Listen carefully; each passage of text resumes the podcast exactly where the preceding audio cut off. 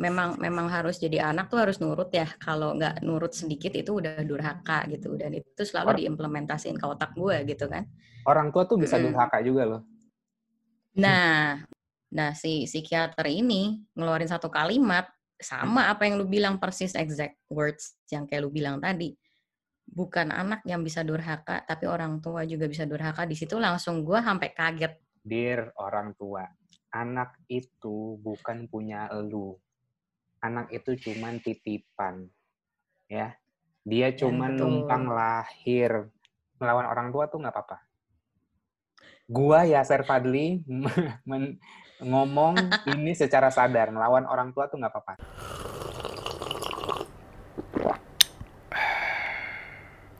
Tiga, dua, satu. Hai folks, jadi kesimpulannya kita harus melawan dengan orang tua dan jangan terlalu menuruti mereka. Bukan begitu? jadi jadi hari ini gue kedatangan kedatangan tamu eh, kakak eh, Gili Gili Chang. Changnya tuh bener-bener ini marga Cina gitu ya? Halo. Iya, iya. Oh, C H A. N G Cheng. Ya, Cheng, Gili Cheng. Mm-mm, mm. Terima kasih sudah. eh, ini sebenarnya request eh, requestnya Gili sih, Eh, dan dan dan menurut gue menarik Gili? karena ya kan Hmm. Kan lu yang request bukan sih kayak membahas eh, apa child apa sih trauma apa sih? Coba yang di, di, yang di, di, di, dilurusin dulu, dilurusin dulu. oke oke Bapak ini kemarin ngedrop uh, kuesioner episode apa ya yang perlu saya uh, bahas lagi? Saya hanya memberikan ide, bapaknya sendiri yang tiba-tiba, yuk, oh oke. ide i- idenya apa idenya apa? Ya gimana apa recover dari childhood trauma gitu loh. Soalnya kan Nah. dampaknya bas- besar banget kan ke depannya gitu. Nah, it- it- it- itu menarik, itu menarik karena gue punya pengalaman yang cukup dalam dan gue percaya di saat orang di saat orang ngasih input kayak gitu sebenarnya dia punya masalah juga. Bukan masalah sih, tapi tapi ada, ada resonate lah, resonate. Kayaknya gue gue Oh iya. dengar informasi ini dan dan Iya, dari betul. dan dan lo sempat dan lo sempat ngechat gue, that's why gue jadi kayak guru musik yang guru musik anak-anak gitu. Jadi kayak lo mencoba eh, Terjun apa ke ya? bidang edukasi.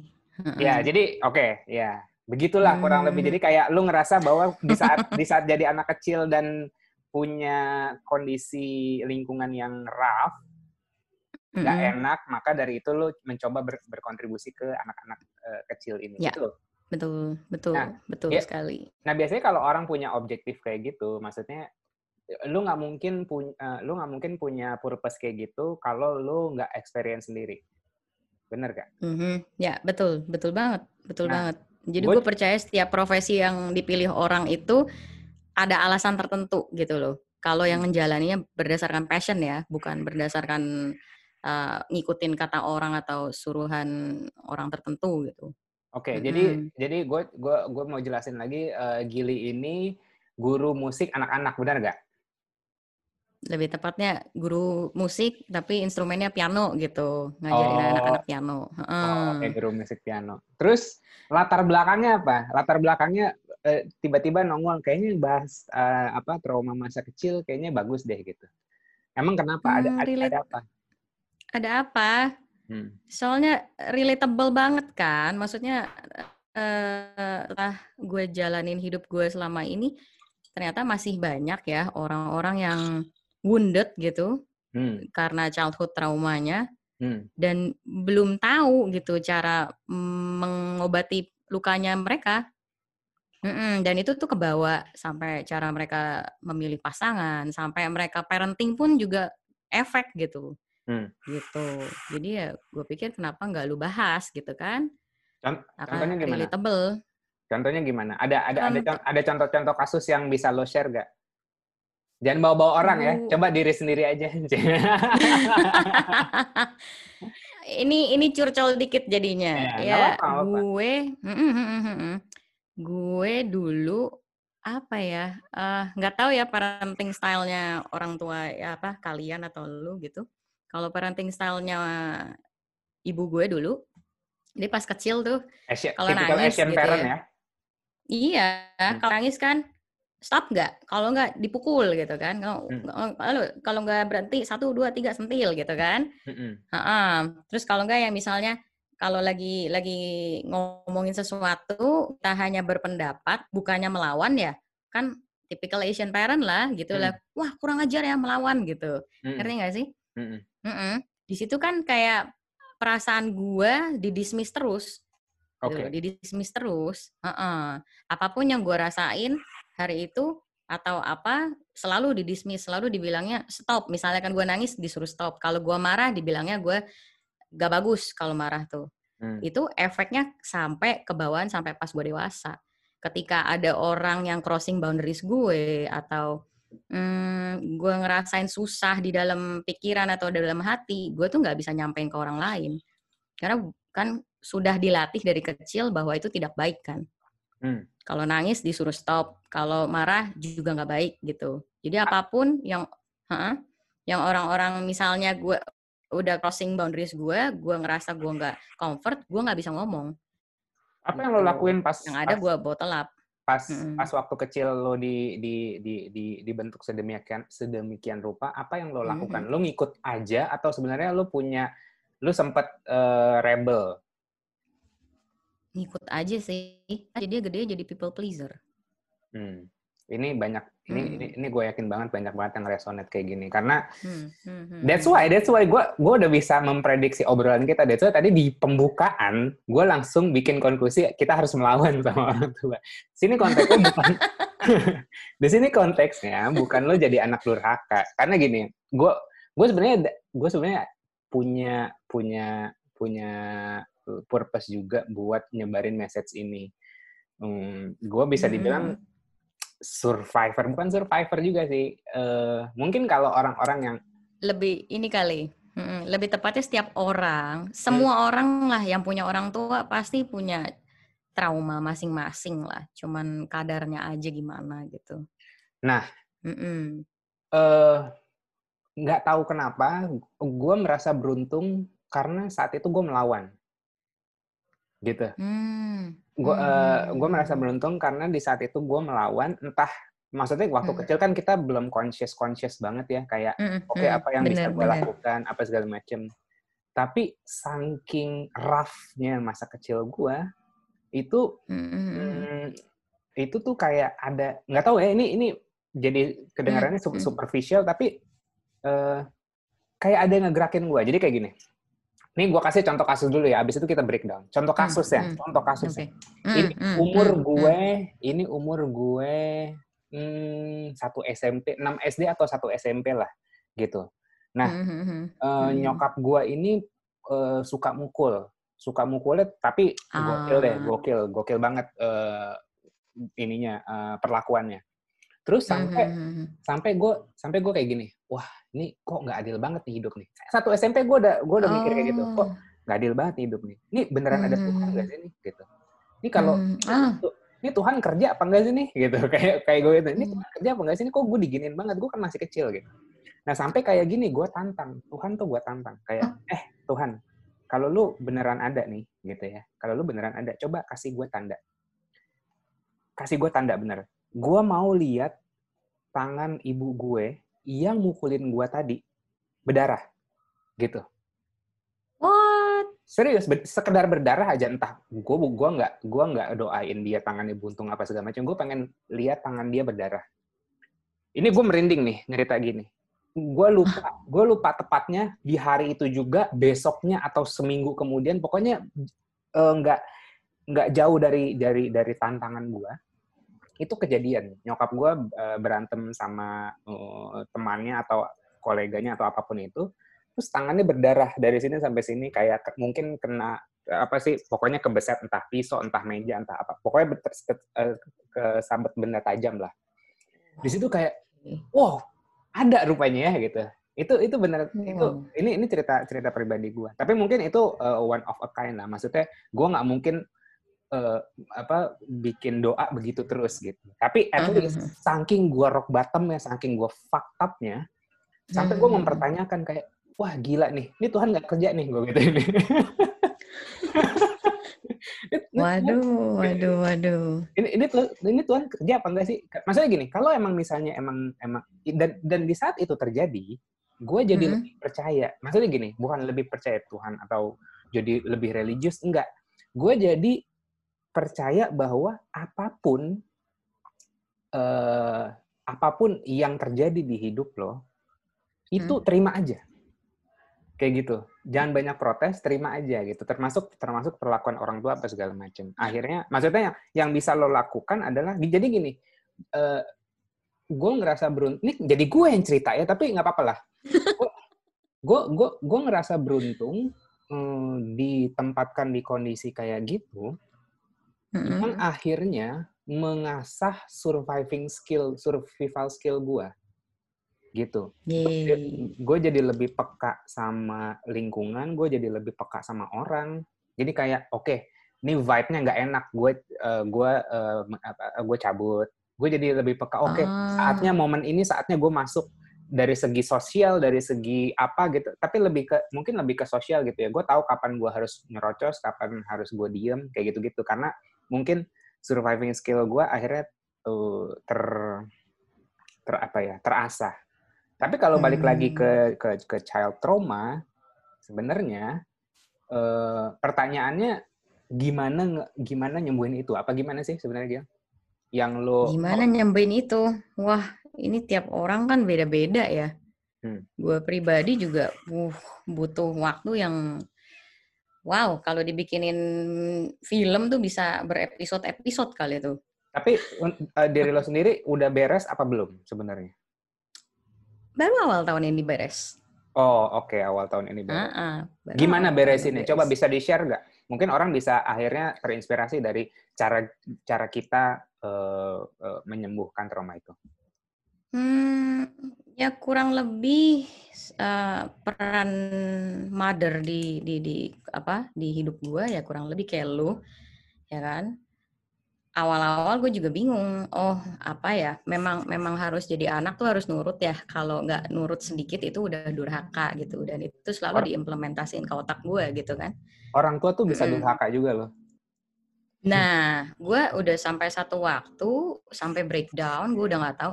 Karena yang tadi gue bilang, gue tuh dari kecil nggak biasa untuk menyampaikan perasaan gue ke orang lain. Gue nggak bisa ya? curhat. Nggak ya? bisa curhat juga ke orang kan akhirnya hmm. gue sampai breakdown gue udah nggak tahan yang gue lakukan adalah seek for seek for a professional help ke psikolog apa psikiater psikiater. Uh curang. Bagi resepnya sih coba. Di situ gue wah nangis kan pas cerita hmm. kan. Aduh bingung nih kok gue di, di, di dibilangnya anak yang begitu gitu kan. Gue gue curhat panjang lebar apa ke psikiater. Nah, si psikiater ini ngeluarin satu kalimat sama apa yang lu bilang persis exact words yang kayak lu bilang tadi.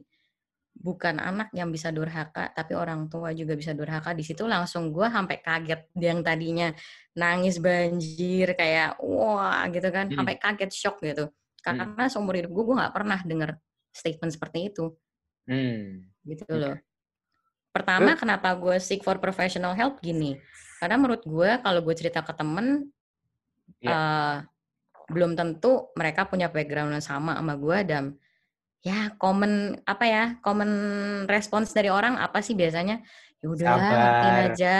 Ya sabar ngertiin aja gitu kan. Yeah. itu orang tua loh gitu gitu gitu bla bla bla gitu kan. Tapi itu kan di situ gue udah wounded nggak ada yang bisa bantuin gue gitu kan. Hmm. ya gue seek for professional help ya simply karena pengen tahu kalau dari segi pandang profesional tuh seperti apa. Jangan tainted sama apa omongan oh apa itu ibu itu harus dihormatin bla bla bla dan sebagainya kan. Jadi gue pengen mendengar perspektif dari si profesional. Dan kalimat yang sama keluar seperti yang lu ucapkan tadi itu blue blue off my mind gitu. Hah? Hmm. serius? gitu kan. Hmm. kok bisa? Kok bisa? Misalkan orang tua nggak mm, apa memenuhi kewajibannya dia sebagai orang tua aja udah salah gitu kan hmm. gue di sana belajar pelan pelan pelan pelan gitu dari sana gue pelan pelan uh, kebetulan gue juga kan guru kan hmm. kebetulan gue juga guru jadi gue pelan pelan juga lihat anak-anak murid gue gitu kan oh ternyata banyak ya yang parenting stylenya kurang lebih mirip uh, ibu gue gitu hmm. dan Tunggu, kan gue masih apa yang lo lakuin setelah setelah se, uh, setelah ke psikiater? Terus gimana lo akhirnya beresin uh, masalah lo ah. antara lo ke sama nyokap? Hmm, banyak mama mamahnya mamahnya gile nih dengerin nih mamahnya gile nih. Gue gue kirim ke mak lo deh. Ah, aduh pingsan gue sebenarnya gini sebenarnya gini. Jadi apa uh, sampai membawa gue akhirnya hyper fokus banget sama yang namanya psikologi gitu kan. Gue dissect gue cari tahu kenapa ibu gue begitu ya? Awal-awal gue nggak terima gitu kan. Masa sih seorang ibu tega banget sampai begitunya gitu. Masa sih seorang ibu tuh bisa begini? Gitu. Hmm. gue cari tahu ternyata nyokap tuh bisa uh, dikategorikan sebagai NPD narcissistic narcissistic personality disorder. Ya. Nah gitu loh. Nah, di sini sih mungkin masih baby tahu boomer udah atau belum. Baby boomer lo semuanya narsis sih gitu. Cuman ya intinya gue baca buku, gue uh, gue juga maksudnya uh, dengerin podcast, gue dengerin ikutin lah apa yang ahli-ahli coachnya yang NPD yang buat nyembuhin luka-luka NPD abuse gitu kan. Ah. Wah, kok semuanya bener gini loh cara mereka gaslighting, cara mereka manipulate gitu kan wow, kok bisa begitu ya, sama ya, apa yang gue rasain dan yang kejadiannya seperti itu gitu ternyata. Gitu kan gue cari, awal-awal gue gue belum ngerti kenapa aku bisa NPD gitu kan. Akhirnya di awal tahun ini gue nemuin jawaban, wow, ternyata NPD pun sebenarnya juga bisa dibilang ya victim dari parenting style-nya mereka ya, juga turun, turun, gitu menurun. loh. Hmm. Dan gue cari tahu memang beliau pernah cerita tentang masa lalunya begini begini begini. Ya zaman dahulu ya orang dulu kan banyak anak banyak rezeki gitu kan. Uh. Nah dari situ gue baru nangkep ini kayaknya si apa beliau dulu tuh di di neglect. Uh -uh. Ngerti nggak? Jadi pas umur umurannya masih harus dilatih empatinya dia nggak dapet gitu hmm. gitu loh. Mm -mm. Jadi tumbuhlah dia menjadi seperti itu gitu. Terus nah, setelah nah, jadi, tahu, setelah tahu oh oke okay, hmm. orang tua gue begini, terus gue jadi terus gue kena dampaknya, terus apa yang lo lakukan? Lo ngomong, lo apa? Lo ngapain? Oh, gue kan uh, waktu itu kan udah seek for professional help kan. Simply hmm. MPD itu memang nggak bisa di cure sih. Hmm. Nggak bisa di cure sih. Jadi ya daripada gue membawa wound gue ke mana-mana, inget reliving my trauma past terus buat apa kan? Ya. Jadi ya sekarang gue lebih mengerti dia pun juga korban gitu loh. Jadi ya sudahlah. Hmm, tapi maksudnya gue simply forgiving her for the sake hmm. of my sanity, for the hmm. sake of my health intinya hmm. gitu. Oke. Okay. Iya benar, benar. Gitu. Karena karena karena mau mau gimana juga kita nggak bisa ngerubah orang tua kita sulit. Ya, udah udah tua udah batu ya kan? Udah emang ber, berpuluh-puluh ya, tahun dia menjalani hidupnya seperti itu tiba-tiba ada anak baru ya. ada ada manusia yang gue lahirin sendiri itu sok-sok ngajarin gue gitu kan. Padahal hmm. padahal nih dear parent ini gue ngomong kepada orang tua di seluruh Indonesia. Dear orang tua anak itu bukan punya elu. Anak itu cuman titipan ya dia cuma ya, numpang lahir, bukan lu kontrol sepenuhnya. Tolong orang tua, jangan hmm. ego. Ya. Jangan gila-gila ngontrol anak lu. Anak lu anak lu itu uh, punya hak untuk bebas, punya hak untuk memilih, memilih hmm. hidup dia sendiri gitu. Hmm. Uh, anda setuju? Yeah. Ya, betul. Istilahnya ya itu yang pengen gue spread awareness gitu ke parents, ke teachers kalian pun juga kan. Lebih mindful lah kita yang jadi orang tua. Apalagi kan uh, kiblat gue tuh selalu balik lagi ke si Bruce Lipton ya. Oh, keren. Bruce Lipton, keren. Keren, keren, keren, keren. Coba, coba. Iya, pemrograman anak se seorang itu kan terjadi pada tujuh tahun awal kan mm-hmm. di mana consciousness aja belum ada gitu kan yang gelombang yang bekerja juga theta wave jadi apa pun yang mereka witness apa pun yang mereka lihat meskipun itu dilakuin secara sengaja atau enggak itu terdownload iya subconscious Jadi- program jadi subconscious kita. ya. Mm-mm. Mm-mm, mm-mm, bener. Jadinya ke bawah sampai nanti dia udah umur 35, ya itu Nah, habit yang di repeat terus. gi- gimana lo nge-rip off eh, recording dari kecil lo sampai lo umur lo berapa sekarang? Eh, dua tujuh. 27, Bu. Masih muda. Oh masih udah. Enggak ya? Masih muda. Enggak. Oke oke. Enggak maksudnya kayak oke maksudnya Mm. dari kecil sampai Mm-mm. umur 20-an kan subconscious lo udah ditimpa terus nih begitu kan. Nah, terus ya itu, akhirnya kan lo off-nya susah banget. sampai Susah banget. udah udah udah beres belum? eh, Oh, beres? Iya, akhirnya maksudnya sekarang udah udah pelan-pelan melep- membuka cangkang itu gitu loh. Hmm. Kan sempat juga makanya dari dari makanya tadi gue bilang choice of apa namanya milih pasangan aja juga terbentuk secara nggak langsung. Gue punya Kan cerita. karena kan kak. Iya, Mhm. silakan silakan. Nanti nanti nanti silakan. Karena Mhm. Oke, karena kan NPD itu kan eh, kontrol controlling banget kan, controlling Hmm. banget kan. hmm, Jadi bener-bener eh, nggak mem- membiarkan lu mengambil keputusan keputusan sama sekali gitu kan. Nah, hmm, terus pokoknya intinya eh gue merasa jadi bahasa cintanya dia ke gue melarang gitu kan. hmm. Itu ke bawah sampai subconscious program. Jadi gue pernah punya pasangan seperti itu juga. Gue kira ah wajar kok, mungkin ini bahasa kasihnya gitu. Bahasa love language-nya mereka gitu. Oh, jadinya masokis gitu loh ya. Kalau nggak kalau nggak dikontrol kurang kayaknya rasanya gitu ya. iya kan? Oke. Jadi masokis Ya gitu. intinya sih gitu. Hmm. Mm-mm. A- Tapi apa, menderita. apa yang Tapi paling menderita susah? Apa yang perasaannya. paling, apa yang paling susah lo rip off? Hal apa yang paling susah lo rip off?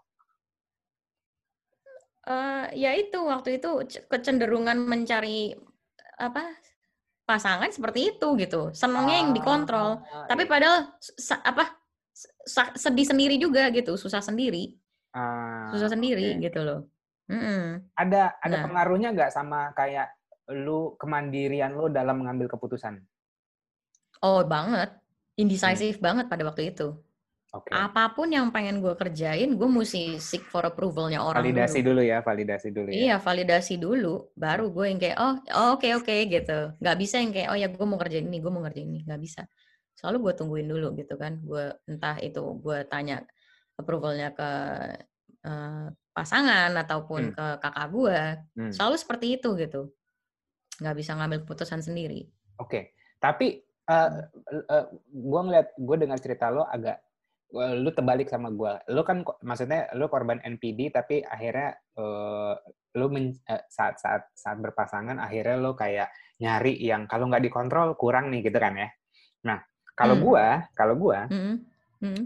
uh, jadi gini, nyokap gue nih orang Padang. Orang Padang itu kan materi, Ah. materi, materialinial kalau nggak salah. Pokoknya mat, Ya ya ya Iya, ya bukan gitu kan. Ah, nah bukan pat, tapi mat gitu ya. mm, mm. Nah, nyokap bokap gue Padang gitu. Jadi kayak ngikutin budayanya orang Padang, ceweknya tuh ceweknya tuh geragat. gitu. Dominan. Ah, Hmm. ceweknya tuh geragat. Bokap gue di abuse. Bokap gue di abuse secara mental. Ya, bokap gue di abuse Same secara thing. mental. Yes. Ya. Bokap gue di abuse secara Hmm. men- secara Hmm. mental. Gue ngelihat Hmm. dari kepa- mata kepala gue sendiri dan eh, akhirnya kan terekam subconscious ke gue. Dan Mm, mm, mm. ini satu keluarga juga eh, nggak ngerti ya satu keluarga keluarga besar Hmm. juga nggak ngerti eh, cara ngurus anak juga Hmm. nih kayaknya nih Eh, banyak input-input yang kayak jadinya gini nanti cari istri jangan kayak mamamu nanti cari cari istri jadi kayak mamu itu jadi ketak- Ah. wah, itu jadi ketakutan sampai bokap gue juga bilang Oke. kayak nanti kamu cari istri jangan kayak Hmm. mamamu ya nak kayak gitu gitu itu bener-bener bener-bener kesuntik kepala ke kepala gue akhirnya Oh iya dong. Hmm. akhirnya itu membuat gua bener-bener hyper control gua malah jadi kayak nyokap gua jadi gua jadi Ah. kayak gua nggak mau di eh, kontrol sama cewek gua nggak mau di- eh, Oh. gitu gua nggak mau di abuse gua nggak mau jadi bokap gua Mhm, kayak gitu. mhm. ah, wah itu dari zaman SMP SMA kuliah gua dominan banget pas pacaran gitu jadi kayak gua ngontrol gua galak gitu karena maksudnya kalau kalau misalnya pacar gua nih seorang wanita yang ngasih input sedikit nggak bisa gitu Eh, Ah. sebenarnya bukan karena inputnya salah tapi gua nggak mau ter, ter tersandung dan akhirnya gue kayak nurut sama perempuan. Jadi kayak gitu tuh. Karena gue takut, hmm. karena gue takut uh, gue berakhir seperti bokap gue gitu. Hmm. Itu akhirnya, hmm. akhirnya uh, ini banget ngebuat gue kayak gitu banget. Terus uh, hmm. ya akhirnya kayak karena repeating relationship yang kayak gitu terus gue kayak capek gitu anjir kok begini amat ya uh, apa uh, hidup gue gitu kan uh, kayak wah anggapannya kan kalau kita pakai cara yang sama, nggak mungkin punya output yang berbeda kan gitu. Oh iya. Hmm. Iya kan? Hmm. Terus akhirnya, oh ini nggak hmm. bisa nih. Oh, oh. Gue pakai cara yang sama, outputnya selalu sama. Oke, akhirnya kalau lo ke psikiater, kenapa milihnya ke psikiater? Lo mau minta obat ya? Nggak ke psikolog gitu? Enggak sih, lebih tepatnya kan beliau juga punya, katanya dia punya masalah insom kan, si mother itu kan. Oh. Jadi gue karena yang gue kenal itu ya udah gue ikutin aja gitu. Ah, Cuma kan uh, uh, beda sesi aja gitu. Oke. Okay. Kalau dia minta obat, kalau gue hanya konsultasi. Ah, oke. Okay. Eh, hmm. berhentiin tuh obatnya. Berhentiin obatnya. Udah, obat. udah, udah. Ya seperti yang lu bilang, udah udah ter ya, udah ya. tertanam ya, ya, udah ya. kita kita yang jadi anak ya sudahlah mengerti hmm. pilihan hidup orang aja gitu kan Nah, kalau gue hmm. kalau gue nggak pernah ke psikolog atau ke psikiater, uh, tiba-tiba gue diarahkan kayak entah nggak ada hmm. angin, nggak ada angin, nggak ada hujan. Uh, hmm. Dulu gue kerja di uh, eh, AIA Sentral, gedung AIA Sentral di Kuningan. Ada dekat situ kan ada London School, ruko-rukonya hmm. London School tuh. Nah, di salah satu rukonya ada kayak meditation studio gitu. Sampai sekarang pun, sampai detik ini pun, gue lupa alasan gue ke sana Gue lupa alasan gue ke sana. Pokoknya tiba-tiba gue ke sana, gue ke sana, terus gue tuh bayar tuh membership sebulan, apa bukan bayar membership sebulan, pokoknya gue ikut kelas, gue nggak peduli harganya berapa, terus gue meditasi gitu. Di situ kayak mungkin ya eh, kayak akhirnya retak lah si cangkangnya ini kayak oh oh ada perubahan nih ah. dalam diri gue gitu karena benar eh, di saat kita mau memperbaiki kondisi kayak misalnya lo memperbaiki kondisi lo antara lo dan nyokap lo yang lo yang bisa kita lakuin bukannya merubah nyokap kita merubah orang lain tapi yang bisa kita lakukan adalah merubah diri kita sendiri gitu ya. kayak gitu hmm. jadi tadi hmm. sebenarnya gue mancing lo sih kayak terus apa yang lo lakukan kepada nyokap lo? Oh enggak biarin aja. Terus uh, gue uh, gue mencoba forgiving. Oh ya benar kayak gue juga kayak gitu. Akhirnya akhirnya gue tersadar kayak ya susah lu itu itu itu hidup masing-masing. Maksudnya da dari perspektif yeah. dari perspektif kita sebagai makhluk hidup gitu. Hmm. orang tua kita ya si orang tua yang melahirkan kita pun punya responsibel terhadap uh, hidupnya masing-masing ya udah lu kalau lu mau betul. begitu begitu deh gitu iya betul betul betul gitu. Hmm. Uh, sekarang yang penting uh, yang penting gue sekarang bisa mandiri, nggak ngerepotin lo gitu. Hmm, itu aja sebenarnya udah cukup kayak gitu. Betul. Nah, apa lu uh, ya kayak gitu deh. Akhirnya akhirnya ya udah akhirnya ya udah akhirnya gue membereskan diri gue sendiri segala macam. Tapi gue uh, gue pengen tahu sih dari perspektif lo. Misalnya gini ya.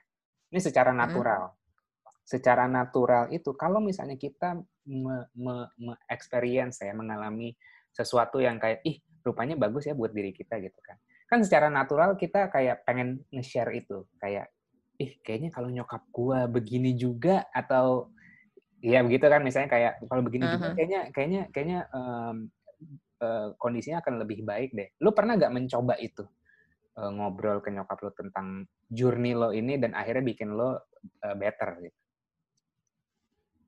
Hmm, pernah nggak ya?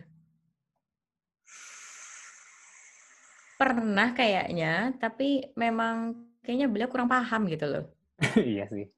Hmm, beliau kurang paham apa maksud gue ngomong apa sih gitu kan. Nah. Ya gitu. Jadi udah shutdown duluan, jadi apa pun informasi yang mau lu sampaikan udah di nggak bakal masuk gitu. Jadi hmm. jadi memang jadi ya udah, maksudnya gue gue gue cuman mau nyocokin juga kayak ya hopeless. Maksudnya bukan kayak ya susah juga, nggak, nggak bakal nggak bakal berarti nggak bakal ada caranya untuk membagikan pengalaman kita ke orang tua kita ya. Tergantung orang tuanya bentuknya seperti apa gitu kan. Tapi untuk my case ya orang tuanya udah shutdown duluan ya Umur susah um, daripada kita. umur berapa, uh, Ibu? Udah udah hampir 60-an, hampir 70-an, Oh, hampir gitu. 70 maksudnya. Heeh, hmm. Hmm. Jadi ya perspektifnya aja udah cangkangnya udah kuat sekali kan. Jadi udah agak agak susah gitu. Mm-mm. Lu pernah memikir lu hmm. Lu pernah mikir gini gak? Eh, Apa tuh? kadang aduh, gue nggak enak nih ngomong kayak gini. Tapi karena karena sebenarnya kayak kadang kadang pikiran yang jujur tuh dikira orang suka kejam kadang-kadang. Pikiran yang Hmm. jujur nih, pikiran yang muncul di kepala kita, kadang-kadang diinterpretasikan orang kejam gitu. Gue pernah kepikiran sih Hmm. kayak kayak ini kalau nyokap gue meninggal gue nangis gak ya? Gitu. Lu pernah kepikiran kayak gitu Ah. gak?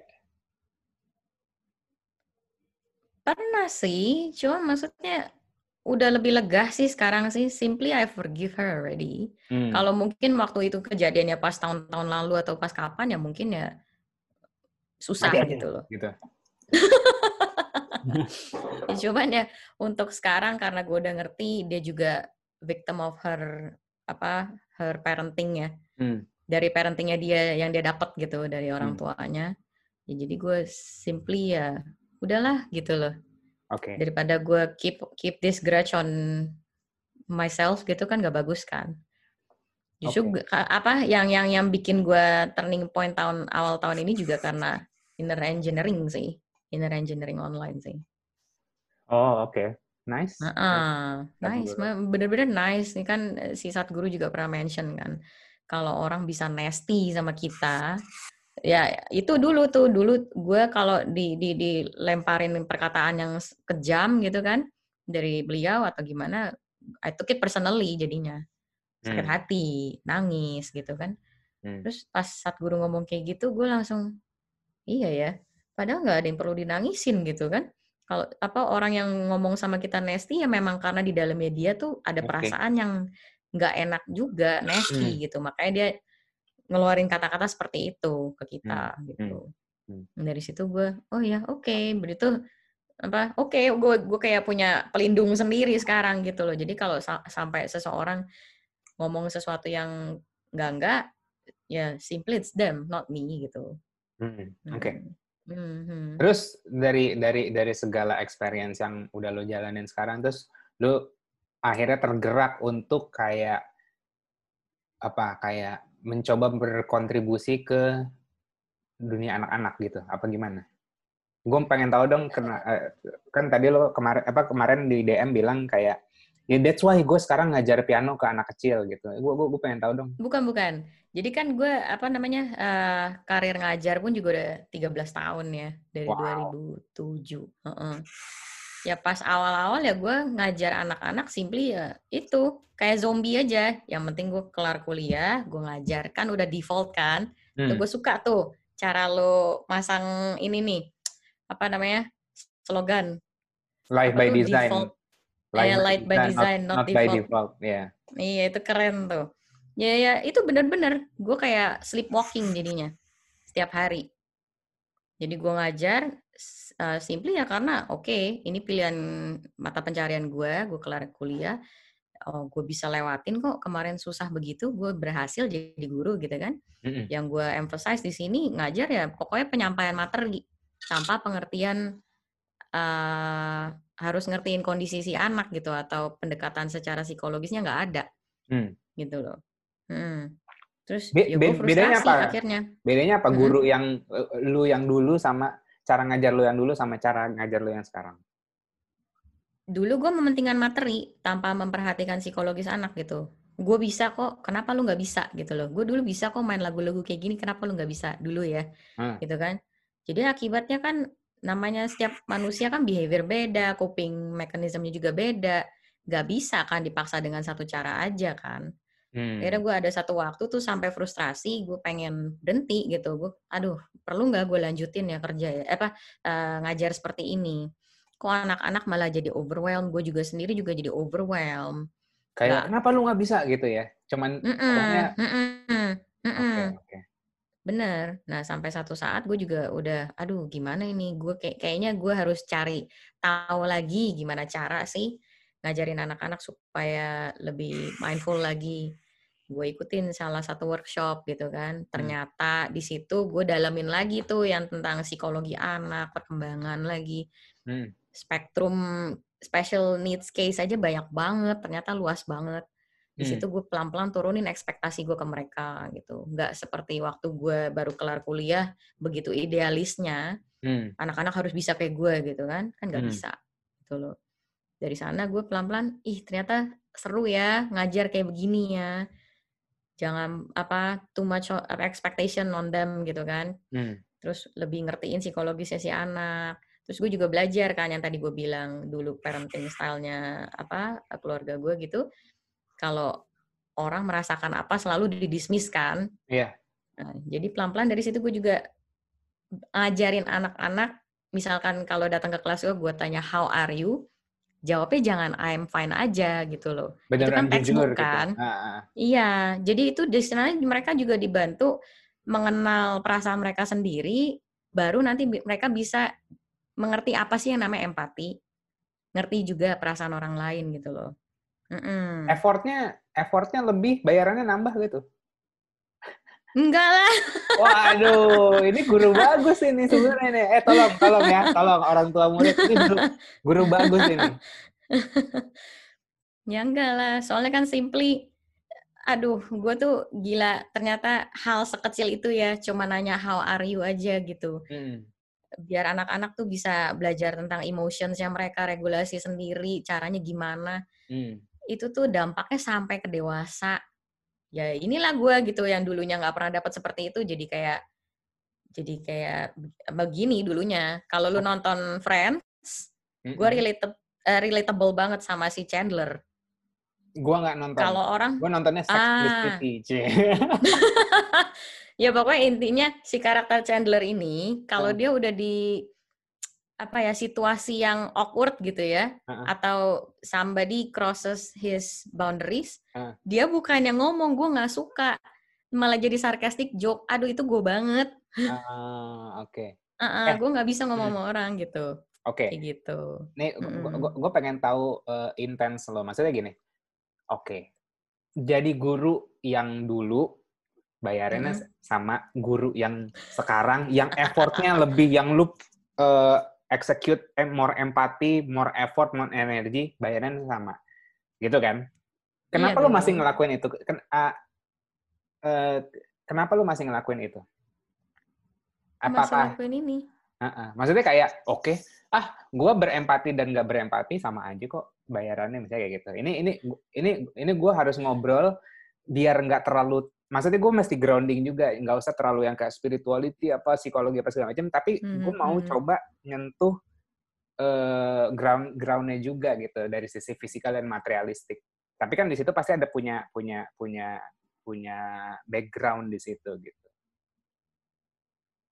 Apa Yes. ada kepuasan sendiri atau sebenarnya ini sebagai kontribusi kayak pembayaran masa kecil lo yang dulu lu nggak dihargain perasaannya terus akhirnya kayak oke gue kontribut lah. oh iya iya betul betul apa yang anda bilang Hmm. ya, ya apa sempat punya pemikiran kan maksudnya ada quote-quote bilang apa gue gue lupa exact words-nya gimana maksudnya kan yang bilang lu kalau jadi orang tuh uh, be a person that you wish gue lupa exact words-nya serius cuma Ah. maksudnya gini hmm, lu tuh jadi orang yang lu idamkan Hmm, ngerti nggak oke. sih idamkan dalam arti gini pas waktu lu susah dulu waktu kecil coba kalau orang itu ada gitu hidup lu kan jadi beda gitu kan Heeh. Nah, jadilah I seperti don't know itu how to gitu put ya. that in the words ya kira ya kira-kira begitu gitu Ya, Oke. Heeh. maksudnya gue juga sering witness gitu kan apa anak-anak murid gue yang kena abuse juga sama Apa parentsnya apa gitu. tanda-tandanya? Tanda-tandanya tanda-tandanya apa sih? Lo bisa ngelihat itu tanda-tandanya gimana? yang per- yang waktu itu sekali pernah jelas banget sih physical sih. Gue lagi ngajarin ritme nih, gue tepok dong, Tep- ketuk ketuk bukan tepok, maksudnya ketuk gitu. One, two, three, aduh aduh aduh sakit sakit. Lah ini anak kenapa gitu kan? Gue kok dalam hati lebay amat padahal gue ketuk gini bukannya diapain Iya, iya, iya. kenapa terus apa dia nggak mau ngomong terus coba emangnya aku ketuk sampai gimana ya ampun ternyata di sini bengkak semua hitam Hmm. bruise gitu Mm-mm. Wow. Terus nah, apa yang lo lakukan? physical abuse kan nggak not much karena kan gue bukan siapa-siapa gue hanya posisi gue hanya guru musik dan gue nggak boleh intervensi kan Iya, iya. gue simply gue cuman hanya bisa ngomong uh, do you need a professional apa help Itu umur gue bisa rekomendasiin SM pada waktu itu SMP 3 ya atau SMA gue lupa deh. Pokoknya udah junior high apa senior high Oh, gitu. oke, oke. Mm-mm. tapi yang pasti gue cuma bisa ngomong lu nggak usah takut maksudnya ya tetap di orang tua lu. Cuman gue bisa mastiin ketika lu datang ke sini you're safe gitu loh. Gue cuma Oh, bisa tawarin seperti itu aja. Karena kan maksudnya kan hal seperti ini kan kompleks banget ya. Nggak Ya. bisa nggak bisa campur tangan orang lain gitu kan Hmm, boundaries profesional sama personalnya jadi nggak ada nanti kan Oke. gitu Ya, betul. Mm-mm.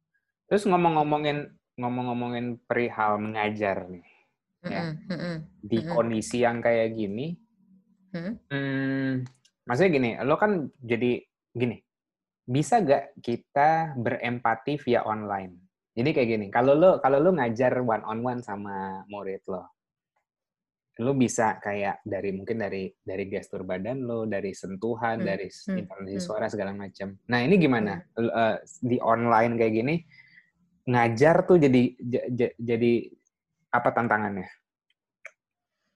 yang pasti koneksi internet Hmm, kadang Oke. up and down kan Iya. tapi untuk empathizing justru lebih harus lebih tinggi lagi karena apa mereka kan stay at home Ya. Pasti mereka bosen mereka kan juga manusia bosen mereka nggak bisa ngapa-ngapain Hmm. Jadi ketika mereka acting out, misalnya kayak tiba-tiba apa main-mainin handphonenya dimatiin, ditutup, dibuka gitu kan, Hmm. ya gue harus ngertiin gitu kan. Maksudnya bukan mereka nakal ya mere- mereka karena bosen, nggak tahu mesti ngapain lagi. Gitu kayak gue ajak main, ya gue gue gue ya itulah role play sama mereka gitu, pakai suara-suara mungkin lagi ceritain tentang apa nursery rhymes gitu, gue bikin suara-suara gue biar mereka terhibur gitu Hmm. kayak gitu-gitu. Alright. Ya ngertiin aja gitu pas mereka lagi banyak sih soalnya anak-anak yang seperti itu gitu kan. Acting out gitu kan, lari-lari, nanti dia pergi dari apa device-nya, ntar baru balik lagi. Ya gue gue biarin aja gitu daripada gue marah-marah buat apa juga. Ya memang karena mereka bosen kan. Kan duduk di depan device begini aja kalau terus-terusan berlamaan udah nggak normal posturnya gitu. Ya, ya. Mm-mm. Oke. Gitu. Gua gua ada mau nanya sama lo eh, pertanyaan pertanyaan pribadi sih. Maksudnya eh misalnya gini, kalau eh, ngobrolin tentang mengajar itu kan Mm-mm. eh, partially itu eh, adalah nge-share knowledge. Walaupun nggak sela- nggak nggak nggak sepenuhnya nge-share knowledge. Benar nggak? Pasti ada ada ada aspek-aspek yang lain selain nge-share Oh knowledge, iya. ya kan? Mm. Tapi salah satunya Iya. nge-share knowledge. Nah, hmm, satu tahun terakhir, gue ngeliat trennya Instagram itu bukan menjadi media sosial lagi, tapi jadi kayak media aja. Buat kayak ngasih informasi, ngasih informasi, ngasih knowledge, ngasih informasi, ngasih knowledge gitu kan. Mm. Nah, Hmm, menurut gua sayang sekali karena orang jadinya cuman kayak ya udah gue mengkonsumsi knowledge aja, plain, cuman ngekonsumsi knowledge gitu. Padahal sebenarnya aspek-aspek selain mengkonsumsi knowledge dalam atau nge-share dan mengkonsumsi knowledge di dalam mengajar itu eh, bukan bukan sharing knowledge aja. Coba lu bisa breakdown nggak? Tapi sebelum gue bertanya, tapi lu bisa breakdown nggak? Dalam dalam mengajar selain nge-share knowledge apa aja sih sebenarnya aktivitasnya apa aja yang guru lakuin Di kelas gue nih maksudnya nih. iya dari Kelas pengalaman bermusik gue nih. iya Oh iya, pastinya harus perhatikan dulu kondisinya si anak hari ini. Ya, makanya gue Hmm. bilang selalu udah gue cerita juga di apa eh, ini yang di podcast yang lain. Ketika gue mulai kelas akan selalu gue tanyain how are you. Ah, even oke. mereka jawabnya oh I'm happy today gitu gue juga nggak bilang oke lah, gitu. you're happy good gitu ya ya gue tanya what makes you happy today gue tanyain lagi supaya mereka ngerti kan oh iya ini perasaan yang gue rasain happy bener karena apa alasannya gitu harus ada Oke. alasannya kan biar mereka tuh tahu oh eh, kondisi mereka tuh seperti itu kalau sad pun gue juga bakal tanya kenapa apa yang membuat lu sad hari Oke. ini gitu kan Oke. Mm-mm.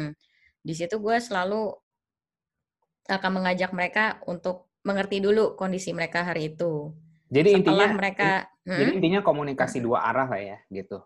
oh iya dong, harus dong. Nah, Mm-mm. Sekarang kan eh, belajar online, aplikasi-aplikasi Mm-mm. belajar online segala macam atau informasi yang ada di YouTube, internet, even itu educational content itu kan sifatnya satu arah.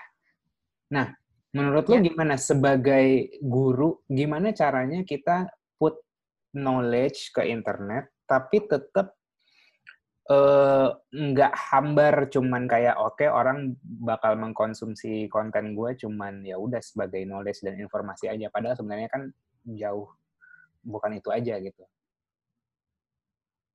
gimana Ini caranya? bikin program interaktif. Ah, oke. Ah, program iran- interaktif kan juga udah lumayan banyak tuh di YouTube YouTube yang bagus ada gitu. Nggak cuman maksudnya Live gitu ya? ah, ah, live juga bisa atau yang udah recording juga pre-recorded juga bisa. Mm-mm. Oh, oke, oke. Karena Kayak kayak ini Ya. lumayan bagus sih base-nya sih itu kalau lo tahu Dora Explorer tuh. i- oh iya ya. Hmm, Oh, iya kan ya? ditanya kan, lihat Oh, nggak, iya. lihat nggak? Padahal mereka kan udah pre-recorded gitu kan, Iya, tapi iya, kan iya. anak-anak tetap dikiranya diajak interaksi Oh, gitu. Oh iya iya, lihat, bener. lihat gitu. Oh iya benar juga ya.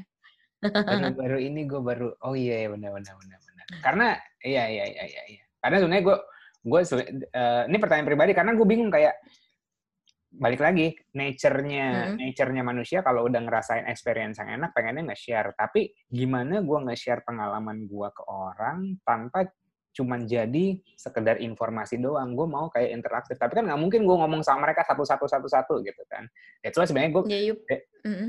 that's why gue bikin pick the podcast topics gitu. yang the relatable. The- iya, iya. Pick the topics yang relatable sama banyak orang gitu. Hmm. Iya, iya, iya. Hmm. Oke, terima kasih Hmm. Bu Guru eh, jawabannya. Aduh. Ada lagi nggak yang lo mau share nih? Tentang Ya, keresahan lo, Cik, keresahan. Cih, keresahan. Ini paling cuma bisa nge-share bahwa maksudnya untuk keluar dari childhood trauma memang nggak mudah.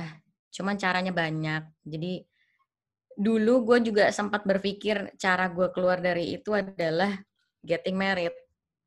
Hmm. gitu. No, no, no, no, no. Hmm. Iya, betul. Itu adalah kesalahan yang Barusan baik ya. semalam tuh gue nge-share di IG story gue. eh, budak, budak adalah orang yang menunggu orang lain untuk Hmm. dibebaskan. Nah, itu juga tuh semuanya terimplementasi pas kita kecil. Makanya kasih asupan tontonan ke anak-anak juga hati-hati. Maksudnya harus di, di guide lah. Kan dulu kan zamannya gue waktu kecil kan lagi heboh-hebohnya Disney princess gitu kan. Mm-mm. Snow White di rescue sama prince-nya, Cinderella di rescue sama prince-nya Hmm. gitu kan. Hmm. Mm-mm. Jadi kan itu secara nggak sadar kita diajarin untuk di apa namanya di rescue sama Hmm. seseorang gitu kan. Iya, nah iya, makanya iya. waktu itu sempat punya pemikiran, oke, gue cara gue keluar dari dari kondisi gue pada saat itu adalah getting married, gitu. Hmm. Dan Mm-mm. dan dan banyak yang sudah melakukan itu loh. Yes, dan itu akhirnya ya bukannya menyembuhkan luka, yang ada lukanya di double triple. Hmm. Malah dampaknya yang lebih kasihan lagi adalah ke anak-anak mereka, begitu. Hmm. Kayaknya itu Hmm, bakal betul itu itu itu itu bakal jadi pembahasan di podcast eh, berikutnya kali ya karena bakal panjang berikutnya? perihal- iya. karena karena apa eh, itu itu panjang sih kayak mm, untuk kayak perihal relationship atau perihal pernikahan karena gue gue mau membatasi biar nggak terlalu lebar Hmm. Eh, kita Hmm, dua hmm, aja nih hmm, hmm. ngebahasnya eh, tentang childhood trauma Hmm, sama oke, teaching oke. apa guru-guruan inilah gitu. So ya kita sudah sampai di penghujung pembicaraan nih. Buat uh, jadi jadi kesimpulannya ya childhood trauma nggak bisa sembuh sendiri, lo harus take action, nggak apa-apa confront. Yes. Uh, lo yang tahu gini, kalau kalau ekstrim ya kalau dari gue melawan orang tua tuh nggak apa-apa. Gua ya Fadli ngomong ini secara sadar melawan orang tua tuh nggak apa-apa. Tapi yang tahu kadarnya seberapa harus konfront, seberapa intens, uh, cuman lo sendiri yang tahu gitu. Ya. Yeah. Gitu. Uh, mm. Bisa kalau kalau cara gue adalah misalnya kayak ya gue kabur aja dari rumah gitu. Itu cara gue gitu. Tapi kalau Terus kalau misalnya lu ngerasa, oh ini mak bapak gue bisa nih kayaknya diginiin nih gue cabut dari rumah. Misalnya kayak, gue nggak, gue nggak, hmm.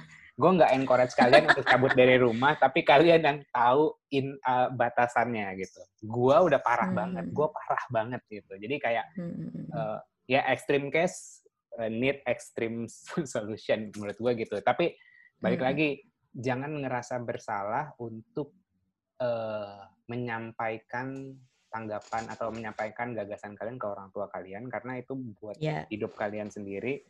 Kalau enggak di kalau ditunda-tunda ya lo sama aja buang-buang waktu lo untuk hidup aja yeah. sih. Gitu ya. Betul, betul. Alright. Semoga gitu. obrolan kita uh, bisa bermanfaat bagi pendengar. So, amin, kalau mau amin. kalau yang apa? yang yang mau ngecek um, kerjaan lo, aduh gue juga mau nih anak gue diajarin uh, sama Bu Gili, ke mana ngeceknya? Boleh, boleh ke Instagram, ada GC underscore music underscore studio, atau di platform gue yang untuk musik, at imu underscore Indonesia. Oke, ini di situ tiga... kita... Hmm. Di situ ngapain? Ya, di situ gue berbagi cara-cara apa uh, ngajar, gue juga berbagi cara gue ngajar seperti apa di sana hmm. bisa dilihat sih. 13 tahun Fox, 13 tahun mengajar dan nggak udah nggak galak lagi kayak dulu, sekarang udah lebih berempati dan tolong tipsnya dilebihin buat bu guru ini karena bagus sekali dia cara ngajar ya. Alright, thank you uh, Gil. Thank you banget, thank you thank udah you, di uh, uh, udah thank you udah di invite juga buat ngobrol ngalur ngidul. ya wes. Uh, bu, uh, okay. buat kalian yang merasa bermanfaat, silakan subscribe, share ke mak bapak lo nih obrolan kita gitu. Share ke teman-teman lo yang menurut lo menurut lo butuh ngedengerin ini. Kalau mau berkontribusi, mau mau menyampaikan pendapat, silakan komen. Lo mau ngobrolin apa pun, lo ada input apa pun, silakan. Gue gue sebenarnya uh, butuh banget feedback dari kalian gitu. Uh, uh, kayak kayak kemarin gue coba nyampain pertanyaan tiba-tiba ada yang ngasih masukan langsung gua langsung gua ini aja langsung gua sikat kan jadi podcast. So thank you udah dengerin sampai sini. Thank you. Banget Gil udah thank uh, mampir juga. so uh, sampai jumpa di podcast Yash a Moment berikutnya live by design not by default. Bye bye bye bye